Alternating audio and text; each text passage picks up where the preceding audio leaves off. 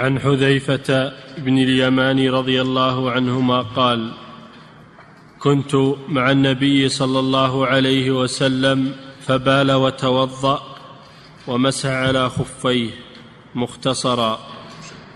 هذا يدل على ما دلت عليه الأحاديث السابقة من مشروعية المسح على الخفين مشروعية المسح على الخفين وفيه زيادة أنه يمسح عليهما من الحدث الأصغر فقط. يمسح عليهما من الحدث الأصغر. إذا لبسهما على طهارة كاملة ثم بال ثم بال أو تغوط أو حصل منه حدث أصغر فإنه يمسح على الخفين أما إذا حصل منه حدث أكبر كالجنابة والحيض للنساء وما أشبه ذلك فإنه لا لا يمسح عليهما من الحدث الأكبر. وفي حديث صفوان بن عسال رضي الله عنه كان قال قال كان صلى الله عليه وسلم يأمرنا إذا كنا سفرا ألا ننزع خفافنا إلا من جنابه لكن من بول وغائط ونوم. فهذا دليل على أنه لا يمسح على الخفين إلا في الطهارة الصغرى وهي الطهارة من الحدث الأصغر. وأما الحدث الأكبر فلا بد من خلع الخفين. نعم. وغسل الرجلين. أعيد الحديث.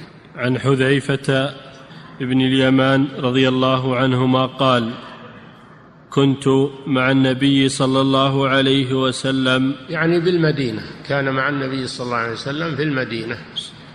نعم.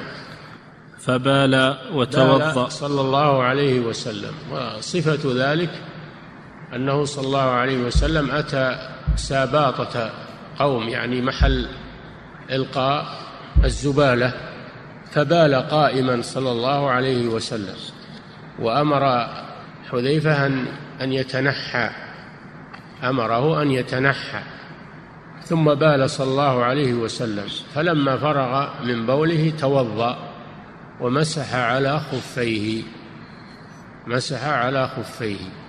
والبول قائما يجوز في أحوال إذا كان مريضا ولا يستطيع الجلوس أو كان المكان الذي يبول فيه وسخا وإذا جلس يتوسخ فلا بأس أن يبول قائما للحاجة. أما في غير الحاجة فيبول جالسا. نعم. مختصرا نعم. مختصرا وأنا ذكرت لكم القصة. أن حذيفة بن اليمان كان مع النبي صلى الله عليه وسلم في المدينة ثم إن الرسول صلى الله عليه وسلم أصابه البول فأتى إلى ساباطة قوم يعني محل إلقاء الزبالة فبال وهو قائم عليه الصلاة والسلام ثم لما فرغ توضأ ثم مسح على خفيه. فدل على أن المسح على الخفين إنما يكون من الحدث الأصغر.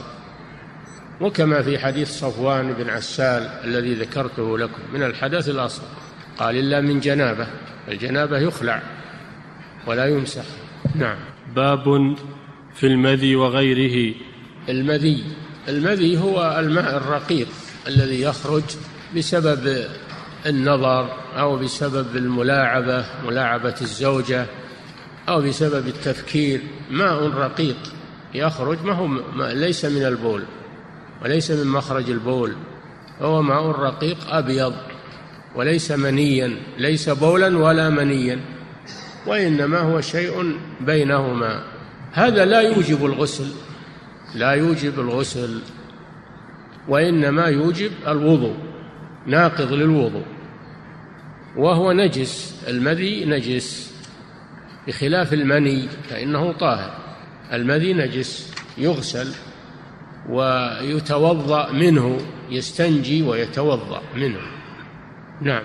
فضيلة الشيخ الجبيرة إذا وضعت على غير طهارة نعم. فك الجبيرة إذا وضعت على غير طهارة فكيف يكون حال الوضوء؟ الصحيح أنه ما يشترط الطهارة للبس الجبيرة فلو لبسها وهو على غير طهارة فإنه يمسح عليها ولا يشترط هذاك المسح على الخفين والمسح على العمامة هو الذي يشترط له أن يلبسها على طهارة. أما الجبيرة فلا يشترط على الصحيح. نعم. فضيلة الشيخ يقول السائل أنا عسكري وأدخل الجوربين طاهرتين يوميا على مدار السنة فهل أمسح على الجوربين؟ العسكري وغيره إذا لبس الجوربين على طهارة بعد الوضوء الكامل والجوربان ساتران للرجل ضافيان على الرجل ساتران لها يمسح عليهما مثل مثل الخف يوم وليلة للمقيم ثلاثة أيام بلياليها للمسافر بشرط أن يكون الجورب ساترا وبشرط أن يلبس الجوارب بعد كمال الطهارة يلبسهما وهو متوضي. نعم.